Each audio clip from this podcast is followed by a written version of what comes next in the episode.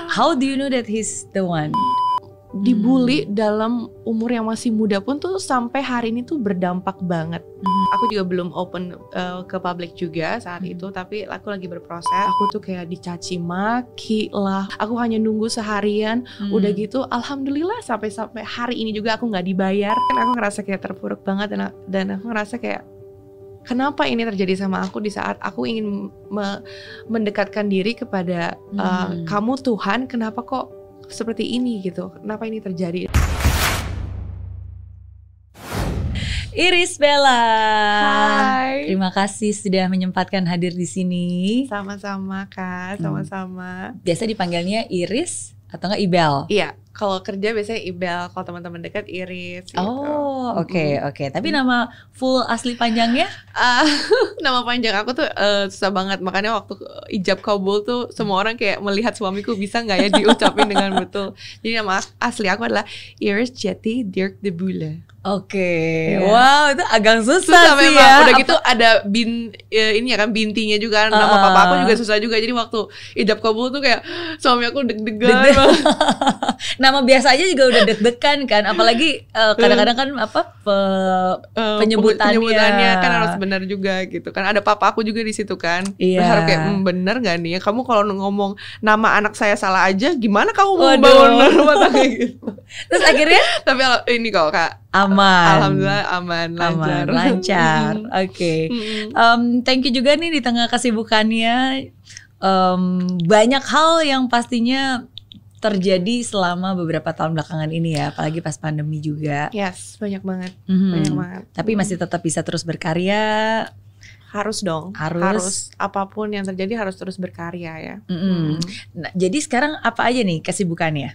Em, ah, saat ini sih kak lebih kayak eh, menikmati eh, menjadi seorang ibu, Hmm. menjadi seorang istri, terus juga lagi belajar lah gitu, eh, eh, berbisnis sedikit-sedikit gitu ya. Terus saya lebih kayak konten kreator, lebih menyibukkan dirinya seperti itu, jadi Hmm. tetap bisa kerja gitu, tapi di rumah dan tetap fokus untuk bisa ngurusin keluarga dan khususnya anak-anak karena anak-anakku kan masih kecil-kecil banget kan kak. Betul. Satu umur 2 tahun, yang satu lagi baru empat bulan gitu. Hmm. Jadi kayak sebisa mungkin apa pun yang eh, kerjaan yang harus aku lakuin tuh bisa sebisanya di rumah gitu. Hmm, dan ya bersyukurnya dengan keadaan yang Hmm. sekarang sebenarnya apa pun bisa menjadi Betul. profesi asal itu ditekuni dengan Betul kesungguhan banget. kan. Iya kak benar. Iya, Mm-mm. kalau dulu zaman dulu kan kadang-kadang sebagai wanita banyak orang bilang, "Oh, eh, nasibnya cuma apa? Sumur, dapur, kasur gitu."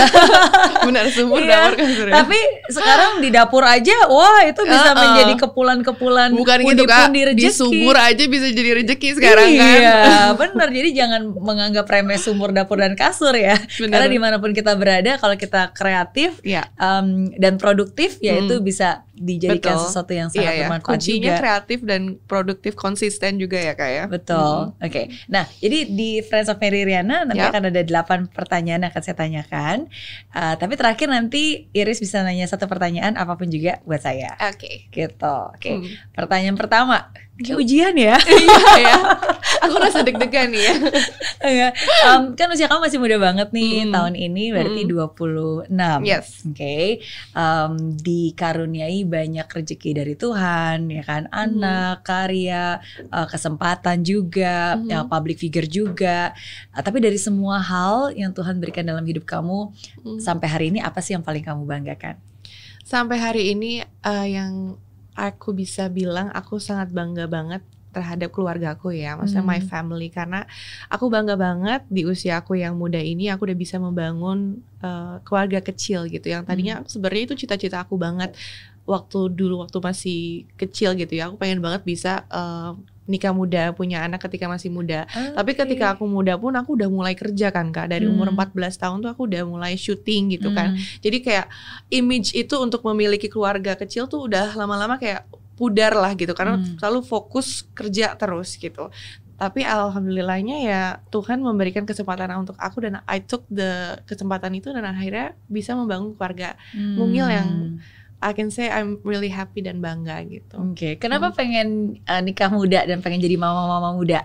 Em, karena mungkin hubungan aku sama mama juga ya tuh Hmm. sangat deket banget dan kita tuh kayak best friends banget dan aku pengen punya ikatan itu juga Hmm. untuk eh, anak-anakku nanti. Jadi aku pengen bisa nggak terlalu jauh lah nanti ketika Hmm. anak-anak udah tua, aku- eh, anak-anak udah besar, aku pun umurnya tuh masih bisa eh, menjadi teman mereka gitu, bukan yang Hmm. jauh umurnya gitu. Dan ya aku bangga udah bisa ada di posisi yang aku inginkan dulu. Iya, gitu. masih bisa lebih mudah juga untuk merelate. Mm-mm. Kan kalau dia udah remaja, jadi jalannya kayak kakak adik. Benar, benar.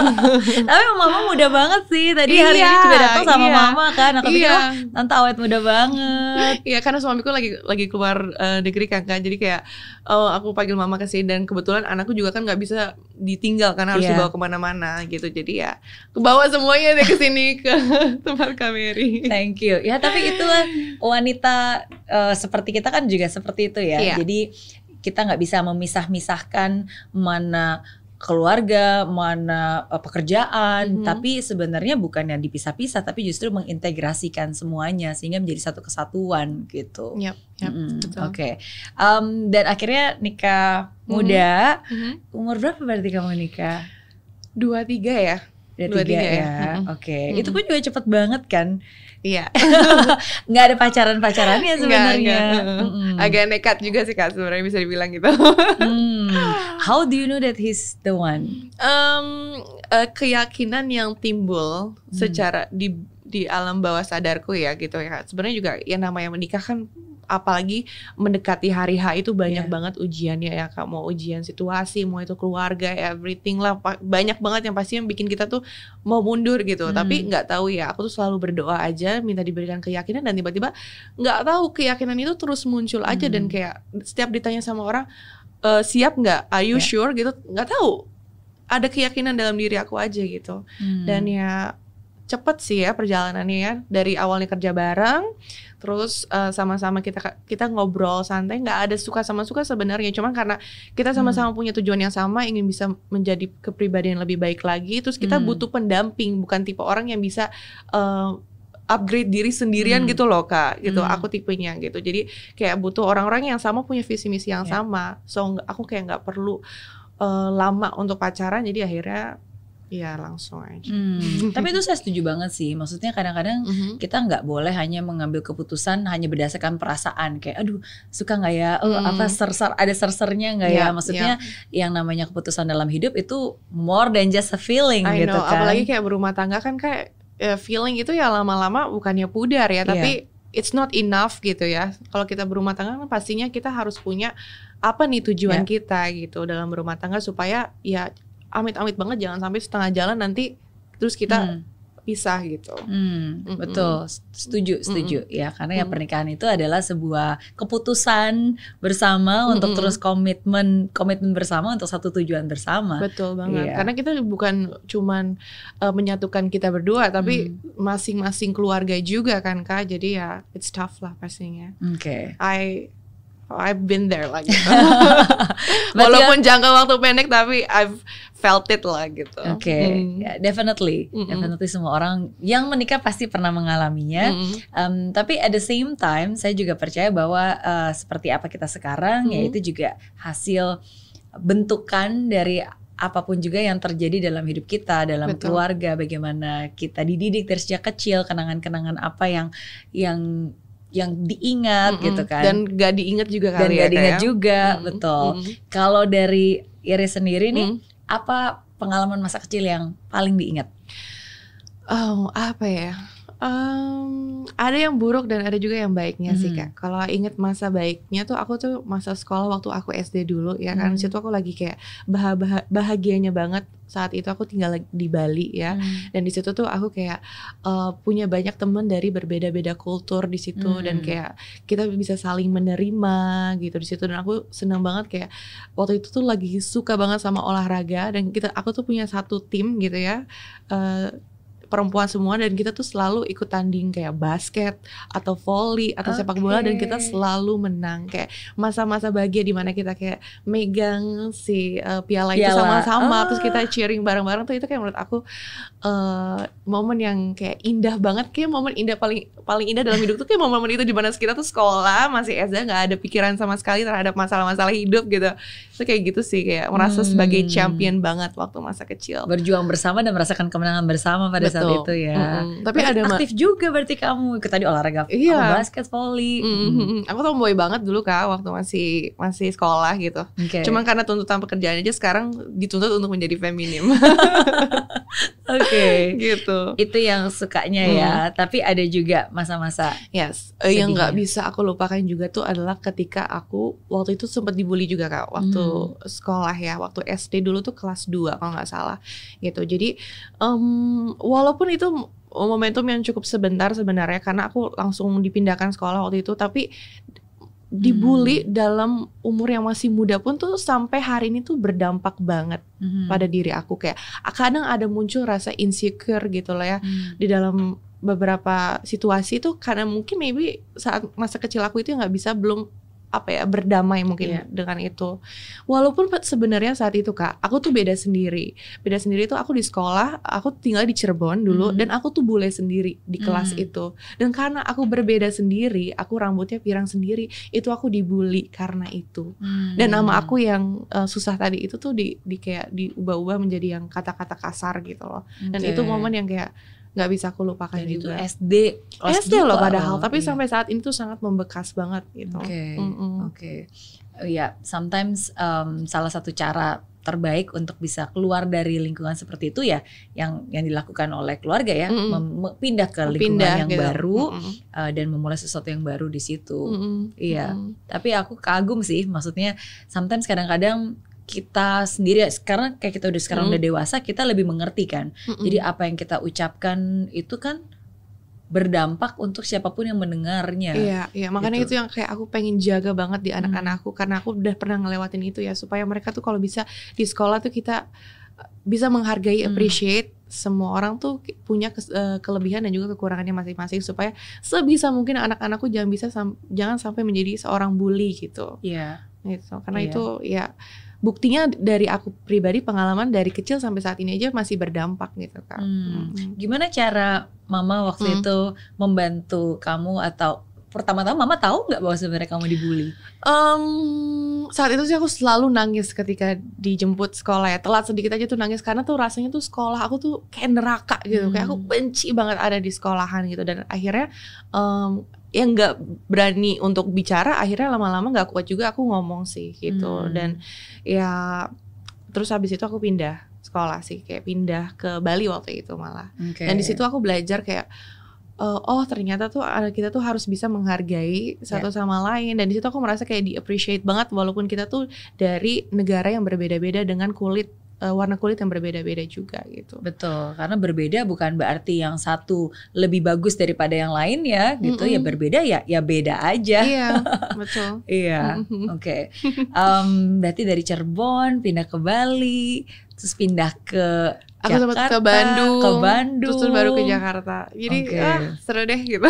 Pindah-pindah terus. Iya, gimana cara kamu bisa em, beradaptasi? Karena kan kayak tadi udah enak di Bali, Mm. teman-teman udah enak di sana, tapi kan kadang-kadang harus pindah lagi, itu kan berarti Oh, suasana itu baru. suasana yang dan itu kayak 180 derajat berbeda banget kak karena Hmm. dari yang kayak sekolahan internasional di mana anak itu dari berbagai negara tiba-tiba aku pindah ke Bandung dan di Bandung itu tuh aku sekolah Islam yang di mana kayak ke sekolahan tuh harus pakai yang panjang-panjang walaupun Hmm. nggak diwajibkan hijab tapi aku kayak di situ aku kayak ngerasa gimana ya Hmm. berbeda, Berbeda. banget dan kayak dan aku lagi masa-masa teenager yang kayak masa-masa rebellion gitu kayak what is going on kenapa aku ada di sini gitu itu juga penyesuaian yang harus beradaptasi lagi sama situasi gitu Hmm. tapi ya that's what I learned to cope with sih within my life karena pindah-pindah terus ya gitu jadi ya Mhm. ya begitulah Apa eh, nasihat yang paling diingat mungkin Mhm. dari mama atau dari orang tua di saat-saat itu? di saat-saat itu em, bersyukur sih lebih kayak Hmm. lebih kayak bersyukur karena saat itu juga em, aku eh, di Bandung itu aku ditawarkan juga ya kan kak untuk eh, syuting dan Hmm. di situ kan aku ngelihat I'm really close with my mom kan gitu dan my mom itu eh, luar biasa lah dia tuh banting tulang sendiri sebagai single mother jadi eh, aku bener-bener belajar bersyukur dan kerja keras tuh dari sosok Hmm. mama gitu dan makanya waktu di Bandung itu aku dapat tawaran tuh kak untuk syuting kan pindah ke Oke. Jakarta dan di situ tuh aku udah kayak mamaku juga pun nggak tega menaruh aku posisi sebagai tulang punggung keluarga tuh sebenarnya dia nggak tega tapi karena aku ngelihat kayak aku kasihan ngeliat papa aku kan gitu dan aku merasa aku pengen bantu dan aku Hmm. I'm capable untuk melakukan itu sampai akhirnya ya aku syuting kak gitu Hmm. dan menjadi tulang punggung keluarga di umur 14 tahun itu. Oh, berarti 14 tahun itu pas lagi Iya. apa SMP,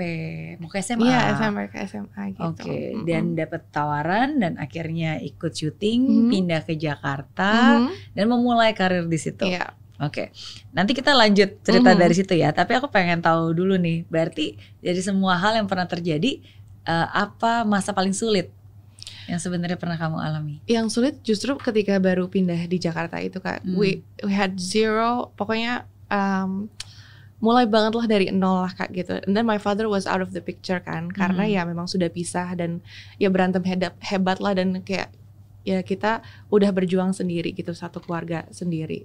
Dan aku sebagai frontman-nya lah bisa Hmm. dibilang gitu di, di usia aku yang masih muda. Jadi aku tuh juga masih bergejolak gitu kan hatinya di mana aku pengen main masih pengen belajar tapi aku disur aku harus bekerja gitu kan untuk keluarga.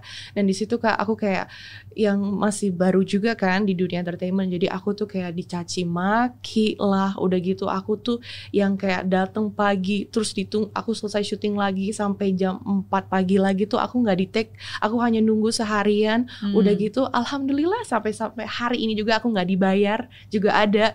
Aku bekerja kayak gitu terus Oke. kayak di Jakarta kita sebagai uh, orang baru di sini dan kita dulu nggak ada maps kan kak jadi aku berdua sama mama tuh kayak buka peta yang besar gitu cari-cari lokasi syuting yang masuk-masuk hutan apa segala macam tuh itu aku ngerasain banget dan Hmm. jadi ya mungkin orang lihatnya oh udah enak aja sekarang kayak I have a name aku punya followers segini banyak oh kayaknya enak privilege-nya pasti banyak apalagi sebagai sosok yang uh, public figure Uh, dan juga misalnya aku punya uh, muka tampang bule Hmm. gitu kan pasti katanya dapat privilege but no Hmm. no aku tuh tangis tangisan juga dulu awalnya kak Hmm. bekerja dari nol gitu sampai nggak dibayar sampai dicaci maki tuh aku ngerasain banget dan berdua sama my mom jadi aku ngerasa kayak ikatan itu tuh kuat Hmm, banget Mama gitu. selalu ada di saat-saat itu ya. Katanya dimarahin sutradara, dimarahin rekan pemainnya juga, dimarahin. Mm-mm. itu bener. Hmm, dibego-begoin aduh pokoknya semuanya deh aku ngerasain dibully gitu sebagai anak baru terus kayak di underestimate juga kayak gitu aku ngerasain banget semuanya Hmm. Mm-mm. Tapi bagaimana kamu bisa mengolah dan mengubah semua itu menjadi sesuatu yang baik? Kan walaupun ya kita tahu ya kita nggak bisa mengendalikan apa yang orang kasih ke kita kan, Betul. maksudnya makian lah, cacian lah, Hmm. cibiran Hmm. lah, hinaan lah, apa pun itu.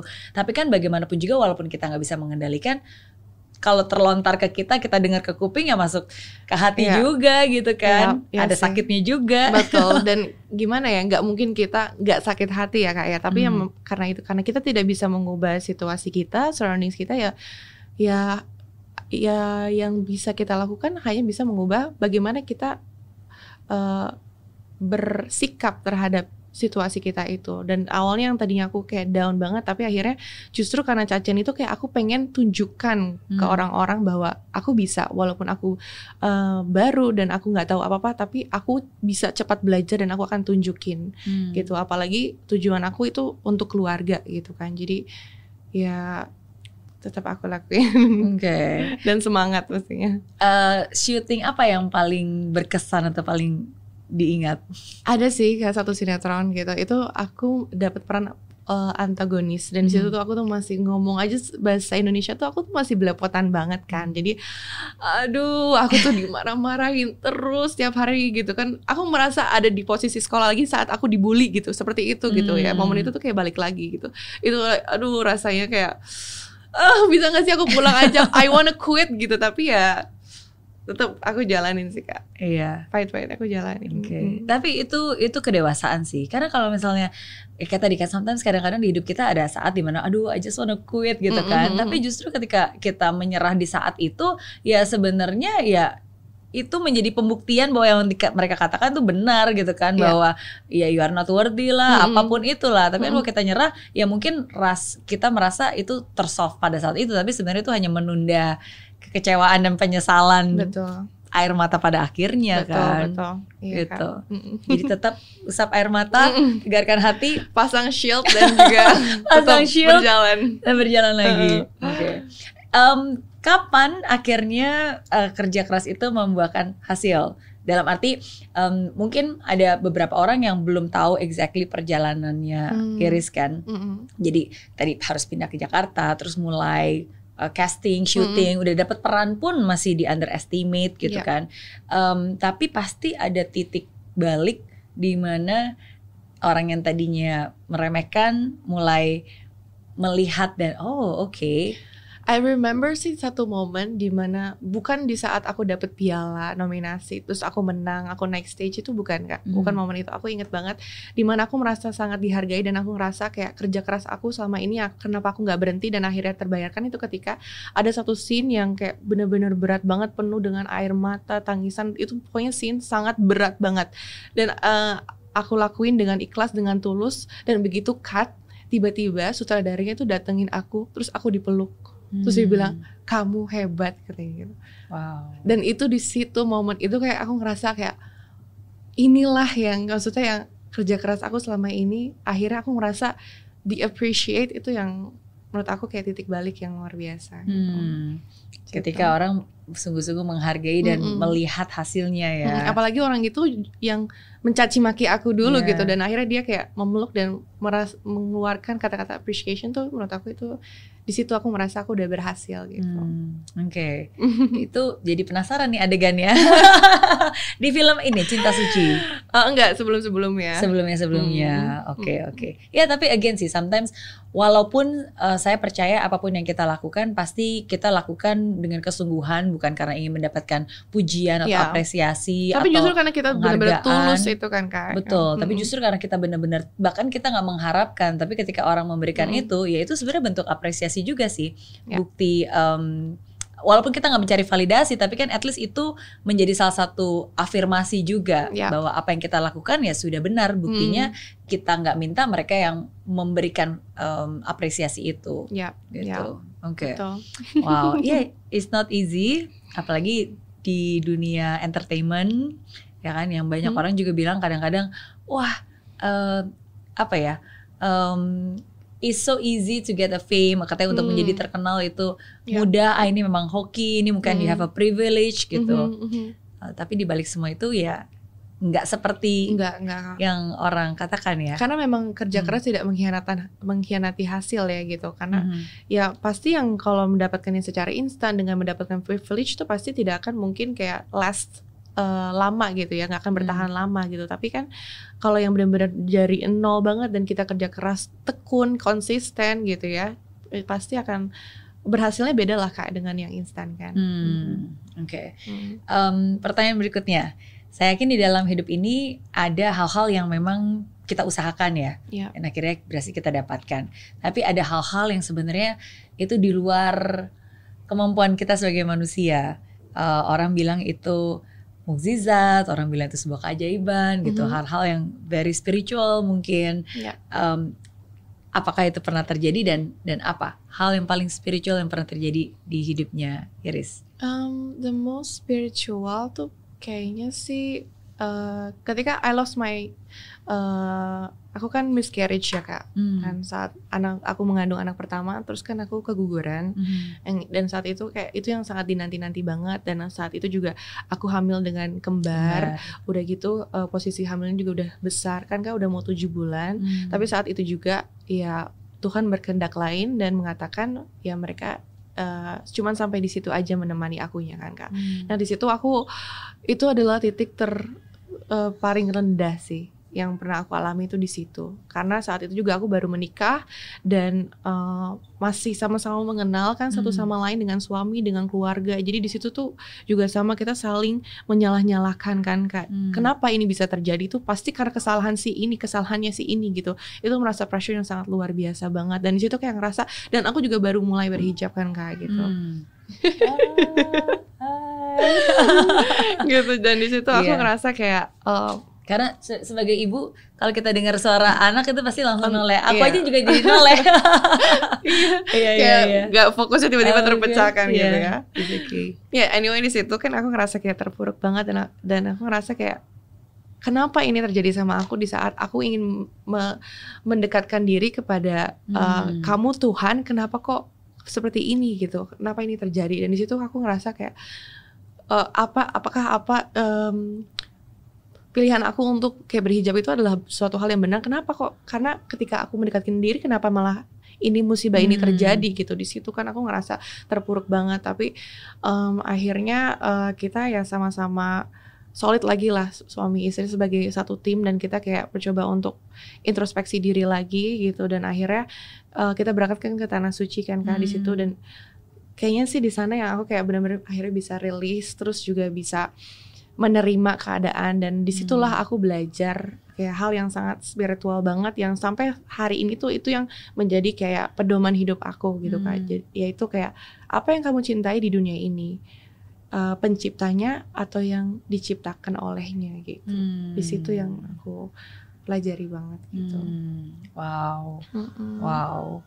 Dan itu em, kadang kita sebagai manusia kita suka lupa ya. Mm-mm. Kita begitu mencintai semua hal yang Mm. Sang Pencipta berikan kepada kita sampai-sampai kita lupa gitu bahwa sebenarnya yang sungguh-sungguh kita cintai ya ya penciptanya yang memberikan itu dan Mm-mm. em, menyediakan hal itu kepada kita Mm-mm. gitu. Iya. Iya.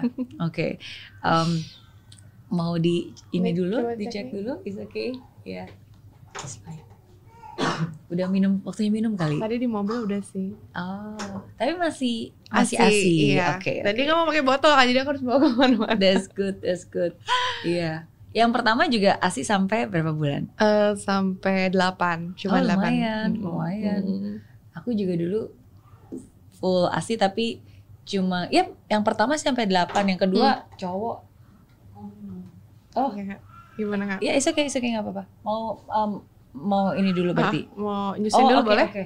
Ya, it's okay, nggak apa-apa. It's okay, break it's dulu. fine, it's fine, it's fine, it's fine. Oke, oke. Oh, apa kan It's okay, it's okay. Nggak apa-apa. Ya. Yay, you're back. Yes. I don't know kalau penonton sadar tapi I'm back. Iya, oke. Ya, tapi em, apa namanya? Ya, naluri keibuan ya, sama I can understand. Ya, when the queen need you, definitely we all can wait. Queen ya. The queen, bener kan? Iya, The iya. queen has born 4 bulan yang lalu. Oh iya. Mm. Bener kan? Betul, Ya, betul. Walaupun namanya sekarang adalah siapa nama lengkapnya? Amala, Amala. Putih Sabai Oke. Akbar. Tapi Mm. panggilannya apa? Amala. Panggilannya Amala ya. Mhm. Oke, Mhm. oke. Iya. em, ya karena dulu zaman saya kan anaknya juga dua. Mhm. Jadi s- ya biasanya di bulan-bulan pertama itu pasti Iya. butuh banyak perhatian, banyak minum, banyak waktu. Mm, Emang enggak? Iya iya. Iya. Tapi itu satu hal yang eh, I miss it sih. Maksudnya satu hal yang mungkin pada saat itu Mhm. eh, kita jalanin biasa-biasa aja, tapi saat sekarang itu sesuatu yang kita kangenin ya. sebenarnya. sangat Walaupun sekarang kayak kurang tidur terus kayak lebih kayak aduh lelah gitu ya tapi ini yang dikangenin ya kak nanti ya iya saat masih bisa digendong, Hmm. saat mereka masih selalu pengen berada dengan kita, Hmm. ya karena suatu saat nanti berubah kan dari yang cute Mhm. jadi eh, jadi lucu, jadi Hmm. teman bicara, tapi Lama-lama? nanti jadi ganteng, jadi Oke. cantik, jadi berubah prosesnya, iya. gitu. Mm-mm. Oke, pertanyaan berikutnya. Oke. Oke, ini berbicara tentang em, asumsi. Hmm. Karena sebagai public figure banyak orang yang melihat kamu em, dan mungkin memiliki asumsi-asumsi yang berbeda. Eh sebenarnya Iris tuh nggak kayak gini loh harusnya. Nah jadi asumsi tersalah apa yang orang punya terhadap kamu yang sebenarnya itu nggak benar. Hmm. Eh, mungkin sih eh, ya itu ya yang mungkin orang pikirnya kayak eh, it's a privilege gitu ya kayak untuk aku eh, untuk masuk dunia entertainment tuh pasti lebih cepat daripada yang lain gitu. Hmm. Eh, lebih mudah kayaknya untuk tenarnya lebih mudah karena aku punya face yang eh, ada kebuliannya gitu. Pasti lebih mudah karena inilah karena itulah apa terus orang yang underestimate karena itu ya. Tapi menurut eh, aku bisa bilang bahwa itu sama sekali nggak benar sih gitu kan Hmm. aku benar-benar kerja keras banget dari nol sampai saat ini gitu. Banting tulang abis yang benar-benar kayak tadi kayak yang kayak nggak tidur seharian dan masih ada di, di tempat kerjaan gitu Hmm. terus di mana kayak aku di disembur dihujanin em, pagi-pagi untuk adegan-adegan eh, hujan-hujanan pagi-pagi gitu terus kayak Hmm. aku eh, diseling dulu di tengah malam dingin gitu kan Eh, udah gitu pakai kostum-kostum yang sangat ya nggak nyaman terus harus Hmm. diseling apa sampai aku nangis-nangis kecapean apa tuh aku rasain banget semuanya dan itu tuh aku lewatin eh, untuk bisa ada di posisi sekarang ini kayak it was not easy untuk bisa ada di posisi aku sekarang yang mungkin orang lain lihatnya oh mungkin mudah ya kayak enak ya bisa jadi eh, seorang iris misalnya gitu Hmm. privilege-nya pasti banyak tapi no gitu aku tumbuh dari keluarga yang sederhana uh, I worked my way up gitu jadi it takes hard work untuk bisa sampai di sini Hmm, oke. Dan semua Hmm. penghargaan-penghargaan yang diraih itu em, adalah hasil kerja keras, keringat dan air mata. Iya. Bukan hanya seorang aja ya, tapi kan ya mama juga selalu Mm-mm. mendampingi kan. Berarti kan Betul. sebenarnya proses berdua saling menguatkan dan Iya. saling eh, menyemangati satu Mhm. sama lain. betul Iya, iya. Apa sih yang biasanya bikin kamu semangat? Maksudnya kalau lagi lagi down atau lagi sedih atau lagi capek banget gitu, yang, yang dulu or s- sekarang Oh, beda. Kalau sama sekarang ya beda. kan sekarang udah punya anak sih kak jadi kayak semua kayak Oh. nomor satu adalah anak-anak Anak. gitu ya Oke. Kalau dulu kalau dulu ya em, mungkin balik lagi ke keluarga sih kak Hmm. gitu keluarga semua aku lakuin untuk keluarga aku gitu Hmm. karena aku ngerasa like I felt I felt like the man in the house gitu karena aku ngerasa ya eh gimana ya aku yang ada di depan gitu untuk Hmm. if something happen to with my family aku yang di situ untuk bertarung paling pertama gitu Hmm. jadi di situ aku ngelakuin semuanya untuk keluargaku my mom and my uh, brother little Your brother, brother gitu. ya, iya. Karena kan harus ada seseorang yang memang paling kuat, yang paling bisa Mm-mm. em, membantu semuanya ya. Mm-mm. Dan ketika hidup memberikan kamu kesempatan itu, Mhm. ya you have to take up the responsibility kan. Betul. Karena mau nggak mau siap nggak siap ya kamu harus Mhm. menjadi orang itu. Yeah. Mm-mm. Okay. It's not easy. no no it's not easy ya It's not easy. Mm-mm. Ya, tapi em, banyak yang mendoakan, makanya kamu bisa Iya, dikuatkan. pastinya bisa ada di sini juga karena banyak yang doain juga banyak yang support nggak mungkin karena aku sendiri juga Hmm. Kalau kamu bisa punya superpower, pengennya punya superpower apa? wow apa ya Em, aku sih pengen punya superpower untuk bisa eh, apa ya menduplicate diri kali ya Hmm. jadi kayak bisa banyak hal yang aku, aku lakuin at the same time itu kali superpower Oke, mengklon diri kita sendiri ya. diri kita sendiri ya Oke. Kak, emang sering merasa em, kekurangan waktu atau Um, you can say that apalagi sekarang ya kayak sekarang kan udah punya anak apalagi dua gitu jadi Hmm. kayak ya kalau bisa uh, dibagi dua untuk Hmm. bisa memberi kasih sayang yang seimbang untuk dua-duanya tuh aku pingin bisa melakukan itu udah gitu juga tuntutan uh, suami juga gitu kan kalau Hmm. bisa dibagi tiga deh gitu udah gitu ada iris untuk yang ngurusin kerjaan ada iris yang ngurusin anak untuk ngurusin suami ngurusin apa gitu ya Iya, pengen iya, lah iya. bisa kayak gitu jadi menduplikasi kita ke mana pun juga ya? Iya. Iya. That's nice. Tapi saya yakin, em, maksudnya nama juga wanita ya, sometimes kadang-kadang kita multitasking, multitasking ya. Ya, ya. Tapi memang benar sih, kadang-kadang multitasking itu bisa menjadi satu hal yang baik. Tapi kalau kita nggak bisa manage, itu bisa menjadi satu hal yang sebenarnya uh, kurang baik kalau kita Betul. tidak memanage dengan baik. Iya, Hmm, iya. Karena kan jadi seakan-akan kayak kita mau melakukan semuanya, padahal kan sometimes it's okay to get help from someone Yes, gitu kan. betul. Hmm. to ask for help ya. Betul. Nah, itu pengalaman dari sen- saya sendiri juga. Karena dulu ketika pertama kali punya anak Heeh. gitu kan, em, ya namanya juga kan apa anak pertama gitu, Mhm. pengen pokoknya semua harus sendiri kerjain serba sendiri, gitu kan, semua sendiri, nggak butuh ART, nggak butuh Mhm. siapa pun juga. I Mhm. just want to do it everything myself Mhm. karena saya yang paling tahu ini kan Mhm. anaknya saya gitu Iya, kan. iya. Um, ya tapi at the end of the day ya salah satu cara yang terbaik adalah ketika seseorang mau membantu kita nggak boleh menolak bantuan itu Iya. gitu kan maksudnya itu Hmm. kan des itu kan salah satu cara caringnya mereka terhadap kita kan Iya. ya yang paling Oke. penting ya bagaimana kita tetap bisa um, memberikan yang terbaik Mhm. dan mengusahakan yang terbaik juga Iya. ya dan membiarkan orang-orang yang memang punya niat baik ingin membantu ya Untuk untuk men- ya. menjadi um, bagian gitu mm, dari kehidupan Proses kita, kita, prosesnya kita gitu. iya sih kak benar. Iya, iya jadi ya itu sih. Iya itu ya. Oke. Oke. Em, pertanyaan ketujuh, Mhm. pilihan tersulit yang pernah kamu hadapi? Uh, pilihan tersulit.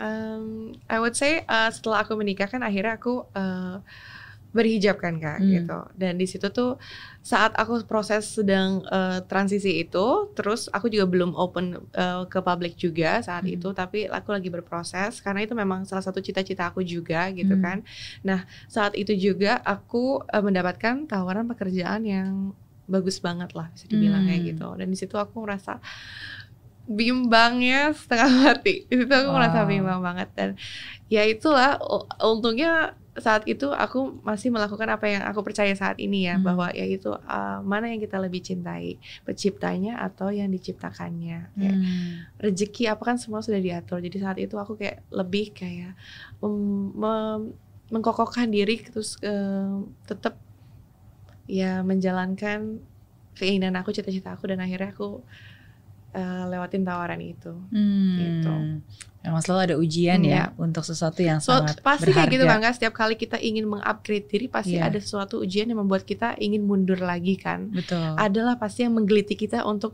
ayolah kembali lagi ke dulu gitu. Di mana kita tuh pengen pengen lebih baik lagi, hmm. pengen upgrade diri lagi pasti ada ujian itu kan. Tapi justru ketika kita bisa melewati ujian-ujian itu di mana kita berhasil hmm. mengupgrade diri naik kelas terus kan kak seperti itu. Betul dan ujian itulah yang akan memisahkan ya yang hmm. mana yang benar-benar sungguh-sungguh layak itu jadi kayak diuji nih diuji niatnya, hmm. diuji kesungguhannya ya, gitu betul. kan. Hmm. Kalau yang nggak tahan yang nggak lolos ya udah akhirnya kan ya turun lagi nggak akan hmm. pernah naik kelas kan. Iya betul. Hmm, iya. Uh, kalau boleh tahu sebenarnya apa yang menjadi alasan terbesar kenapa kamu memutuskan untuk berhijab? Um, I found peace in myself hmm. itu karena uh, dengan ini kan sebuah tuntutan juga kan gitu jadi aku merasa I feel peaceful this way hmm. I feel beautiful this hmm. way gitu dan aku merasa kayak um, uh, gimana ya bahagia ya masih ya hmm. dan rasa kayak menjadi kepribadian yang lebih baik dari sebelumnya gitu. Hmm. Oke. Okay. Karena kan sebenarnya dengan kita uh, aku uh, berhijab itu bukan hanya tampilannya aja kan kak, yeah. tapi uh, bagaimana kita bersikap yeah. terhadap orang-orang dan bagaimana kualitas hidup kita juga. Jadi yang diubah bukanlah cuman fisik kita doang yang tertutup aja gitu, tapi justru bagaimana kita bisa menutupi keburukan-keburukan kebiasaan-kebiasaan buruk kita hmm. juga yang kita ubah gitu sih kak. Jadi hmm. aku ngerasa ya um, ya lebih baik per, yeah. belajar lebih baik nggak bisa aku bilang uh, terbaik gitu nggak mungkin kan belajar. tapi kayak belajar terus menerus gitu okay. paling nggak ketika aku lihat cermin tuh aku merasa I'm a little bit better than yeah. how I was before gitu. Okay. Yeah, and and that's true. That's that's very important kan mm -hmm. karena bagi maksudnya pada akhirnya kan itu sebuah keputusan pribadi mm -hmm. um, dan hanya kita dan sang pencipta yang tahu dan Betul. ketika kita punya kesadaran untuk selalu mau memperbaiki diri untuk ya, a, a, maksudnya saya setuju banget seperti yang kamu bilang peaceful mm -hmm. karena pada akhirnya rasa damai di itu. hati itu yang kita sendiri yang ciptakan. Kita sendiri yang ciptakan. Kita betul. tidak bisa menuntut orang-orang apalagi keluarga kita, pasangan kita ataupun siapa pun untuk memberi kita kedamaian. Hmm. Itu bukan hak mereka. Hmm. Kedamaian itu kita ciptakan dalam diri kita sendiri kan, Kak. Dan bagaimana kita bisa sampai ke titik damai itu hanya diri kita sendiri yang tahu kan kan. Hmm, gitu. Oke. Okay. Mm -hmm. You feel peaceful and you feel beautiful. Yeah. And that's amazing. that's amazing. yeah. yeah. Mm-hmm. Karena hidup ini akan selalu banyak pilihan-pilihan ya yeah. yang hidup itu hadapkan dan di usia mm -hmm. kamu yang sangat muda sebenarnya ada banyak pilihan-pilihan yang sangat terlihat sulit dalam mm -hmm. arti uh, satu pilihan itu bisa menentukan garis kehidupan yang sangat berbeda. Betul. Kayak menikah di hmm. usia yang sangat muda, menikah di saat kamu sedang berada di tingkat popularitas yang sangat tinggi gitu. Yeah. Yang iya. yang bagi banyak orang kan kadang-kadang ada juga yang pertimbangan, wah kalau saya nikah nanti uh, followersnya berkurang hmm. atau mungkin rezekinya berkurang atau apa pun itulah gitu kan. Yeah, yeah. Ya tapi ya pilihan-pilihan itu yang membentuk kamu yeah. menjadi seperti yang hari ini betul, kan. Betul hmm. Biasanya kalau ada keputusan sulit itu uh, apa pertimbangan kamu atau biasanya suka nanya ke seseorang kah? Hmm, iya sih. Nah, diskusi ya, hmm. bukan meminta pendapat atau uh, membantu pertolongan apa apa nih harus aku aku pilih gitu ya tapi kayak Hmm. lebih ke diskusi aja gitu khususnya kayak sama pasangan sama suami aku kalau Hmm. nggak sama uh, mama aku kan gitu Hmm. diskusi tapi uh, back again semuanya balik lagi ke diri aku pribadi kan Hmm. dan apa sih uh, yang bisa membuat aku bahagia apa yang bisa membuat aku merasa peaceful gitu dan itulah jalan yang nanti aku akan pilih gitu. Hmm, oke. Hmm. Memiliki ketenangan dalam Mm-mm. apa pun juga keputusan yang memang udah kamu yakini. Iya, karena Iya. aku nggak pernah pengen kayak menyesali sesuatu gitu. Karena menyesali sesuatu yang udah lewat tuh nggak ada gunanya ya, Iya. gitu, nggak ada gunanya. Dan kayak misal ditanya tadi apa superpower yang kamu inginkan, pengen banget bisa bilang, oh untuk bisa kembali waktu gitu Hmm. kan. But untuk apa gitu? Hmm. Karena justru kesalahan-kesalahan kita yang kita lewatin ya itu yang men- membentuk kita menjadi kepribadian kita saat ini. Hmm. Gitu. Setuju, setuju. Mm-mm. Aku juga termasuk tipe kan ada dua tipe orang ya. Ada tipe Mm. orang yang ya pengen mengubah gini, tapi aku aku tuh selalu tipe orang yang saya percaya kalau yang dulu dirubah, saya nggak mungkin berada di titik sekarang-sekarang ini gitu Ya, kan. Pasti kan jalannya berubah lagi gitu. Sedangkan ya saya sih sangat menikmati dan mensyukuri apa pun juga ketidaksempurnaan Ya. di mana pun kita berada kan. Betul. Uh-uh. karena kalau nggak lewat jalan ini kan saya nggak ketemu sama suami, saya nggak punya Hmm. anaknya sekarang, Hmm. nggak bisa di tempat jadi ini Riana seperti ini. nggak bisa ya. ketemu Iris hari ini gitu kan iya jadi apa pun itu Iya. em, ya itu sih yang Hmm. saya yakini Iya Ya. never look back oke pertanyaan terakhir kalau gitu Oke. Em, apa pelajaran eh, paling penting paling diingat yang hidup berikan kepada Iris Iris Em, pelajarannya aku sih bil eh, yang bisa bilang mungkin saat ini kayak bersyukur dan berterima kasih atas segala sesuatu yang udah pernah terjadi dan apa pun yang kita miliki saat ini gitu ya. Hmm. bersyukur banget kayak jangan uh, take anything for granted gitu jangan menyepelekan apa pun itu karena Hmm. um, se, se- dalam hitungan detik aja itu bisa berubah. Apa pun Hmm. bisa berubah. Kayak suatu hal yang kamu uh, pegang erat banget gitu tiba-tiba dalam sedikit itu bisa aja hilang. Begitu aja gitu.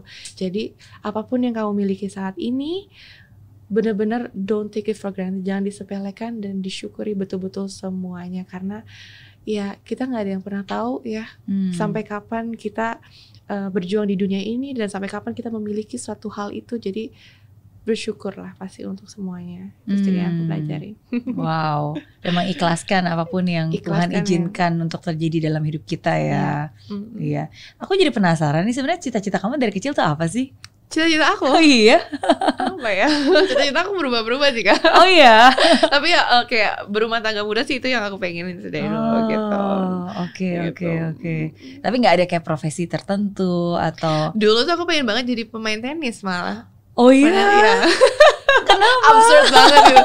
Dulu ya waktu masa kecil gitu. I love tennis dan I love sports dan dulu tuh kayak pengen banget cita-cita aku tuh pengen jadi pemain tenis profesional dulu saat aku kecil. Oh, Oke, tapi jago dong berarti. Um, ya bisa lah. Kayaknya ya bisa. very sporty kan. Jadi itu tenis, apa tadi basket, volley gitu kan. Oke oke oke. That- Thank you udah menjawab uh, delapan pertanyaan saya. Iya sama-sama. Sekarang giliran you can ask me Oke. anything. Nah, em, yang mau aku tanyain sama Kak Mary adalah Kak Mary lebih memilih eh, terlahirkan dari keluarga yang kaya tapi tidak mempedulikan pendidikan atau Hmm. keluarga yang sederhana tapi eh, yang pintar dan sangat menjunjung tinggi pendidikan Hmm, dan mengapa? yang kedua jawabannya. Yang kedua. Yang kedua, jadi nggak perlu keluarga yang kaya raya, tapi uh, sangat memperhatikan yang namanya pendidikan, Mm-mm. ya. Karena itu yang terjadi di hidup saya. Hmm. Karena saya selalu percaya bahwa satu-satunya hal yang bisa mengubah kehidupan seseorang itu adalah pendidikannya. Hmm. Em, kalau saya terlahir dari keluarga kaya raya, tapi saya nggak peduli dengan pendidikan, berarti kan sebenarnya saya nggak punya kapasitas Hmm. untuk bisa em, mewadahi apa pun yang Tuhan berikan pada saat itu itu kan cuma limpahan harta warisan keluarga kalau saya cuma kapasitasnya segini Mhm. ya semua juga akan mubazir akan akan ludes gitu kan Mhm. ya tapi kalau saya memperbesar kapasitas saya dengan belajar dengan pendidikan ya saya percaya suatu saat rezeki akan datang hujan itu akan datang dan Ya. hujan itu akan datangnya berlimpah Mhm. gitu. Tapi kan yang masalah bukan rezekinya serba banyak yang berlimpah, tapi kan seberapa besar Ya. kapasitas kita untuk menampungnya dan menyalurkannya kan. Ya, dan gak ada eh, ada nggak ada belajar itu telat ya kak ya? Mm-mm, nggak ada, kan? nggak ada. Dan belajar itu bukan cuma dari sekolah aja sebenarnya. Mhm. Dan itu satu hal yang sangat syukuri sih. Em, ketika saya lahir, walaupun saya bukan berasal dari keluarga yang Mhm. super kaya raya Mhm. gitu, tapi dari sejak awal mama tuh selalu bilang, khususnya mama ya, Hmm. pokoknya pendidikan penting. Makanya saya sebisa mungkin selalu sekolah. eh, kalau ada uang lebih itu pasti kalau bisa disekolahkan sekolah yang terbaik gitu kan. Kalau ada uang kalau bisa beli buku pelajaran gitu, bukannya Hmm. beli makanan gitu. Itu mama pentingkan buku Mama daripada selalu bilang makanan gila ya. memang jangan irit-irit kalau misalnya mau harus beli buku beli aja buku nggak masalah gitu. Wow. Uh, um, dan uh, dan itu yang mengubah hidup saya sih. Hmm. Uh, uh, karena ya di saat saya benar-benar menghargai apa yang saya punya dan Hmm. terus mau belajar karena ada saat di mana saya ngerasa bahwa saya bukan siapa-siapa ada Hmm. saat di mana saya ngerasa kok kurang ini nggak bisa itu nggak bisa ngomong Hmm. belepotan gitu Mhm, mhm.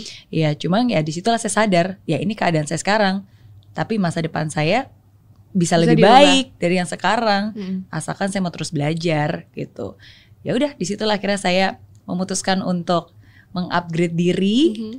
eh, memperbesar kapasitas saya dan ya betul pada saatnya ya Tuhan akan berikan rezeki itu sih ya Wow. dan itu yang saya selalu bilang ke anak saya sampai hari ini Apa tuh kak? you have to learn before you earn Learn before you earn. jadi khususnya kalau sekarang nih masih remaja apalagi usianya 20 tahunan Hmm. ketika ada pilihan mau dapat kerjaan satu Mhm. yang gajinya gede Mhm. tapi sebenarnya ya kamu nggak belajar apa-apa cuma ngerjain ini aja Hmm. atau ini gajinya biasa-biasa aja lebih kecil tapi at least cukup untuk biaya hidup Mhm. tapi kamu bisa belajar banyak hal dan kapasitas kamu terus Hmm. diperbesar diperbesar saya bilang pilih yang Mementingkan ini itu ya. pilih yang ini ya Wow. karena hidup itu bukan hanya sekedar uang saja Betul. betul Betul. betul Wow. ya jadi itu sih Hmm. wow, selalu belajar banyak dari Kameri. sama-sama sama-sama dan saya bukan cuma saya aja kan Iya. maksudnya Iris pun juga merasakan hal yang sama kan yes, yes. iya Mm-mm. nggak ada kata terlambat untuk belajar Mhm. dan nggak ada batasan untuk Gak ada batasan. belajar Betul. juga gitu Wow. iya Oke. thank you sama seperti hari ini saya sudah belajar banyak juga dari pengalamannya Iris No, aku cuma sharing doang. Aku belajar Iya. banyak dari Kameri mas. thank you so much Sama-sama kak. Um, sukses terus juga buat Iris, Thank you. um, buat segala hal yang dilakukan, Mm-mm. buat channel YouTube-nya juga, buat Ya. kalian yang pengen tahu keseruan-keseruannya. Hmm. Lumayan update juga ya, Eh, lum, ya saat ini sih belum tapi ya oke lah. lumayan loh. Maksudnya segala macam uh, keseharian Iya. dan uh, hal-hal yang dilakukan. Hmm. Iya, sukses terus. Thank you kak. Ya, dan salam buat suami, Ya. mama, dan anak-anak. Oke. Thank you. Thank you kak. Sama-sama.